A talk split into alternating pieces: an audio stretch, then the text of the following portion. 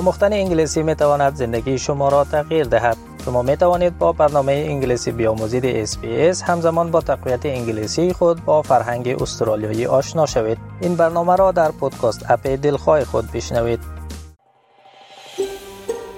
شما با پروگرام دری رادیوی SBS هستید.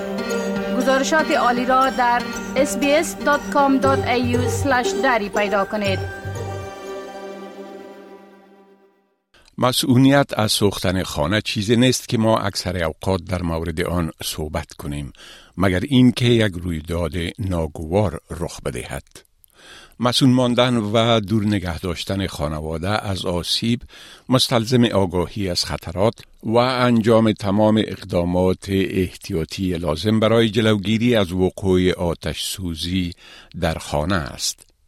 اگرچه بیشتر آتش سوزی های تصادفی خانه قابل جلوگیری هستند ولی مشتعل شدن آن وقت زیاد را نمی گیرد. پیامدهای آتش سوزی می توانند جبران ناپذیر باشند. کوچکترین شوله های آتش می تواند منجر به آسیب های ویرانگر یا حتی تراژیدی های مرگبار شود. یک مطالعه مشترک نهاد تحقیقات خطرات طبیعی استرالیا و سازمان نجات از آتش ویکتوریا در سال 2019 نشان داد که هر سال تعداد بیشتری از مردم در اثر آتش سوزی ها در منازل مسکونی کشته می شوند تا در اثر خطرات طبیعی مانند سیل طوفان و آتش سوزی در جنگل ها. اندرو گیسینگ یکی از نویسندگان گزارش این مطالعه و مدیر عامل تحقیقات خطرات طبیعی استرالیا است. او می‌گوید که یافته های آنها در مورد تلفات قابل جلوگیری و مسئولیت از آتش سوزی هنوز هم صدق می کند. So residential fire fatalities are unfortunately too common in Australia. Our research showed that between 2003 and 2017, that 900 people had died in preventable residential fires. Each one of these fatalities is an absolute tragedy. The number of fatalities averaging across that period of time was 64 deaths per year. تحقیقات همچنان نشان می دهد که بیشتر آتش سوزی های مرگبار در خانه در فصل زمستان به خاطر استفاده غیر مسئول از وسایل یا روش های گرم کردن رخ می دهد. مقامات آتش نشانی از مردم می خواهند که از وسایل گرم کننده خود مطابق با روش های توصیه شده سازنده آنها استفاده کنند. یعنی از وسایل گرم کننده برای فضای باز در داخل خانه بپرهیزند به شمول وسایلی که در آنها از زغال یا گاز مایع LPG به حیث منبع سوخت استفاده می شود. آقای گیسینگ می گوید وسایل گرم کننده ای که برای استفاده در فضای باز تهیه شده اند در داخل خانه مناسب نیستند چون این کار می تواند منجر به ایجاد کربن مونو اکساید شود که می تواند کشنده باشد. طبق این مطالعه کسانی که بیشتر در معرض خطر تلفات از آتش سوزی در منازل قرار دارند مردم بالاتر از 65 ساله یا کمتر از 5 ساله هستند. اطفال همچنان در برابر جراحات ناشی از سوختگی آسیب پذیرتر هستند حتی زمانی که در معرض آتش سوزی کوچک و بر راحتی قابل خاموش شدن قرار بگیرند. سیمون سالوون مدیر بخش تقویت صحت اطفال در شبکه شفاخانه های اطفال سیدنی توضیح می دهد که اطفال به خاطر در معرض بیشتر آسیب سوختن قرار دارند که بسیار کنجکاو هستند. Generally younger children are the most at risk group and they're quite curious. So these accidents generally just happen. And unfortunately, children, their skin tends to be thinner than adults, which actually means that when they do get burnt, the skin burns a lot deeper and quicker at a lower temperature. وسایل گرم کننده و مواد سیگرت تا حد زیاد با آتش سوزی خانه ها مرتبط بودند.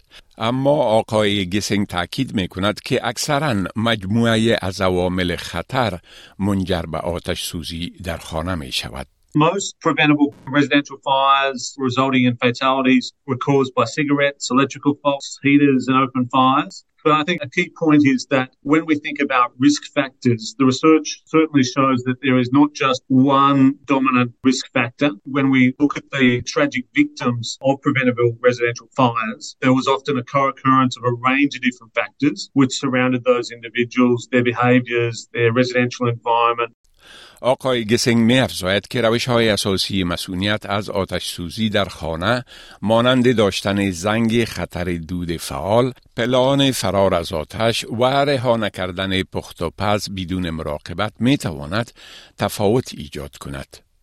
مارک هالورسن مدیر عامل مسئولیت آتش سوزی در اداره آتش نشانی و خدمات استراری کوینزلند است.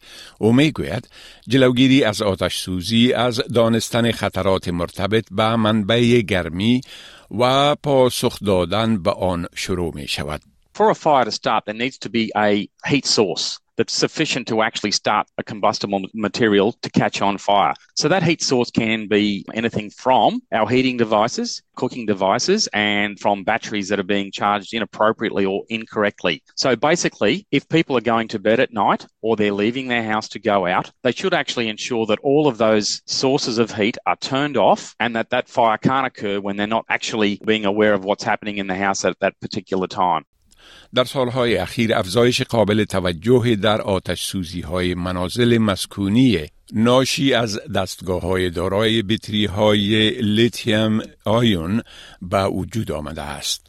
آقای هالورسن می گوید که این آتش سوزی ها در صورت قابل جلوگیری هستند که مردم از خطرات ناشی از استفاده نکردن از چارج کننده های مناسب برای دستگاه هایشان آگاه باشند. مواد قابل آتش سوزی را می توان در حولی های اکثر مردم هم یافت. اینها شامل شاخه های خشک شده، چوب های ذخیره شده، لباس های کونه، ابزار قابل آتش گرفتن و اکثر محصولات و مواد کیمیاوی هن که معمولا در انبارخانه های خانگی نگهداری می شوند. آقای هالورسن بهترین روش برای ذخیره کردن محصولات سوخت را تشریح کرده و می گوید که مواد قابل سوختی که ضرورت به ذخیره شدن دارند مثل مواد سوخت برای ماشین قطع کردن سبزه ها و غیره باید به صورت درست و دور از وسایل دیگر ذخیره شوند. در حالی که زنگ های خطر دود از آتش سوزی جلوگیری نمی کنند ولی هشدارهای اولیه لازم را به مردم می دهند و بعضا حتی فرصت خاموش کردن آتش را در ابتدای آن به مردم فراهم می کند. اما آقای ورسن هشدار می دهد که در صورت مطمئن نبودن از آمادگی نباید با آتش سوزی مقابله شود. اطمینان از این که هر ساکن خانه می داند در صورت آتش سوزی چی کاری باید بکند بسیار مهم است. طور مثال به اطفال در مورد ایمینی آتش سوزی در خانه بیشتر از صرف زنگ زدن به سه سفر آموزش بدهید. خانم سالیون همچنان اجرای تمرینات آتش نشانی را پیشنهاد می کند. first thing is to prepare a home fire escape plan and practice it with the family. teaching them to get down low and go, go, go. So the air tends to be cooler and cleaner, closer to the ground. Also teaching children that if their clothes does catch on fire, stop, drop, cover and roll. Make sure they cover their face with their hands to avoid any injury to the face and getting them to roll on the ground. So this will help put out the fire as well. صحبت کردن با فرزندانتان در مورد جلوگیری از آتش سوزی می تواند تشویش آور باشد. خانم سالوان نکات را برای دور کردن ترس و لفاظی از صحبت در این مورد توصیه می کند.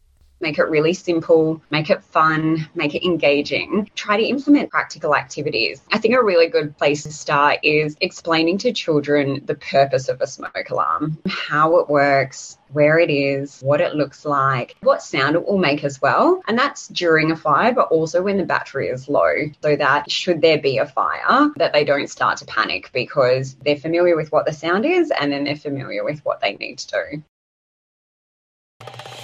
بپسندید شریک سازید و نظر دهید اسپیس دری را در فیسبوک تعقیب کنید.